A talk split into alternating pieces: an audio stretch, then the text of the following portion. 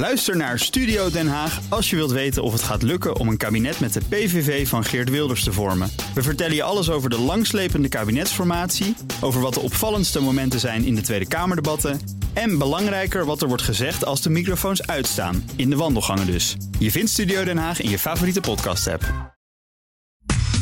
Wetenschap vandaag. Hou je van een goede zombie-serie of film op zijn tijd, dan zou je dat, eh, dat zou in je voordeel kunnen werken. Met name in een wereldwijde pandemie. Wetenschapsredacteur Carlijn Meinders is hier. Carlijn, Ja. jij kijkt naar dit soort dingen. Ja, het is niet echt iets wat mensen van mij verwachten, denk ik. Nee. Maar ik kijk graag naar enge en soms ook ongeloofwaardige series. Hé, daar moeten we het eens een keer over Ja. hebben, want dat werd een heel andere een blik. wetenschapsrubriek. Ik snap het eh, tegenstrijdige daaraan.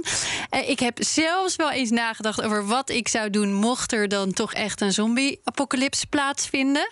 Ehm, en ik voel me eh, enorm gesteund ook natuurlijk eh, in dat specifieke gedachte-experiment door deze studie naar de voorbereidende rol van zombie-series. Dus dit hebben onderzoekers echt bekeken. Ja. Dit is echt bekeken. Eerder dit jaar eh, heeft een wetenschapper van Penn State University met behulp van andere onderzoekers dit onderzoek opgezet. Ze stelden eigenlijk de vraag: wat is er van invloed op hoe goed je tegen de stress van zo'n pandemie kan? 310 proefpersonen kregen toen een goed uitgedachte vragenlijst, waarbij onder andere naar weerbaarheid werd gekeken en naar het type programma en films dat ze leuk vonden om te kijken.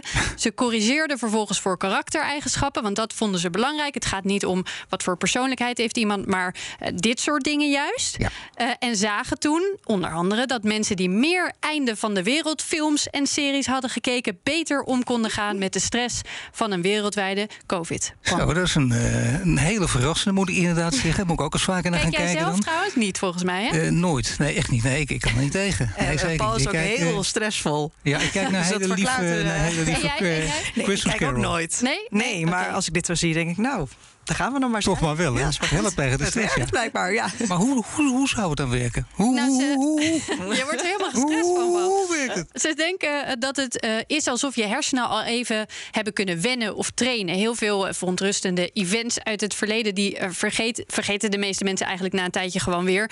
Maar als je steeds met dit soort ingewikkelde scenario's wordt geconfronteerd, op een leuke manier, Op een leuke manier. blijft er een soort waakvlammetje aan of zo. Eh, iets vergelijkbaars hoorde ik al eens over nooduitgangen. Mensen die bij het binnenkomen van een ruimte de locatie van de nooduitgang Oh ja, dat checken. doe ik wel. Ja? Ja, ja, echt. waar. Die Ja. komen verhalen naar boven, zeg. ja. Daarmee maak, je Gratis therapie, volgende week, echt waar.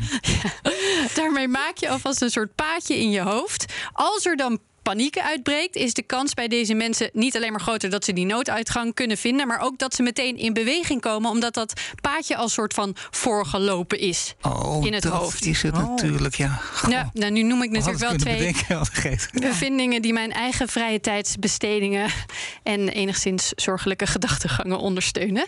Eh, ik Oeh. weet inderdaad ook altijd waar de nooduitgang zit. Maar, Nee, maar nee. een zombie-serie op zijn tijd is dus misschien zo slecht nog niet. Al moet je je dan wel weer afvragen hoe gezond het is om in een soort constante staat Ja. van paraatheid te verkeren.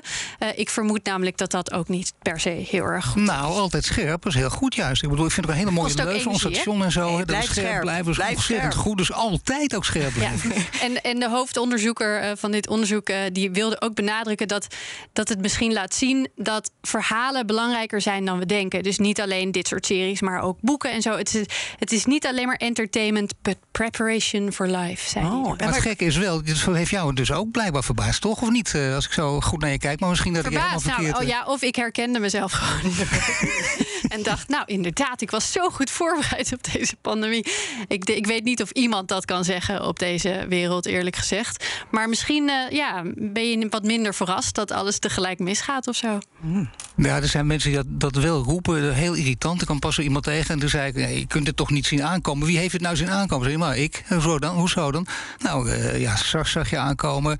Eh Asian flu eh, was er. Ebola. Dus waarom zou dit er niet komen? Weet je? Dus ja, dat is toch ingewikkeld, hè, dit soort discussies. Ik ben nu heel bang nieuw door komt het er nog kijken aan. van Don't Look Up, waar ik het net over had. De Ja. nieuwe film, dat er ook een komeet aan eh, gaat komen als, eh als voorspellende er- waarde. Ja, nou, misschien eh, is dat ook zo'n verhaal waar we alvast wat van kunnen leren, zodat dat paadje alvast een beetje getraind is. Wat ik wel handig vind trouwens, tot slot even nog Carlijn, eh, want omdat jullie allebei, maar jij helemaal zo goed op de nooduitgang let. De nooduitgang in dit gebouw, waar zit die eigenlijk? Want nu wil ik het eigenlijk ook wel weten. Ehm, achter u aan de rechterkant, meneer. Nee, de nooduitgang zit daar. Dus moeten we helemaal zo. Ja. En dan zo. En dan zo.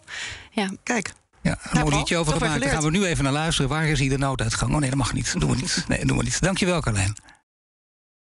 Ook Liesbeth Staats vind je in de BNR-app. Ja, heel handig. Luister live naar Kees en mij tijdens de Daily Move. Dan blijf je ook gelijk op de hoogte van breaking news en het laatste zakelijke nieuws. En daar vind je ook alle BNR-podcasts, waaronder de Perestrooikast. Download nu de gratis BNR-app en blijf scherp.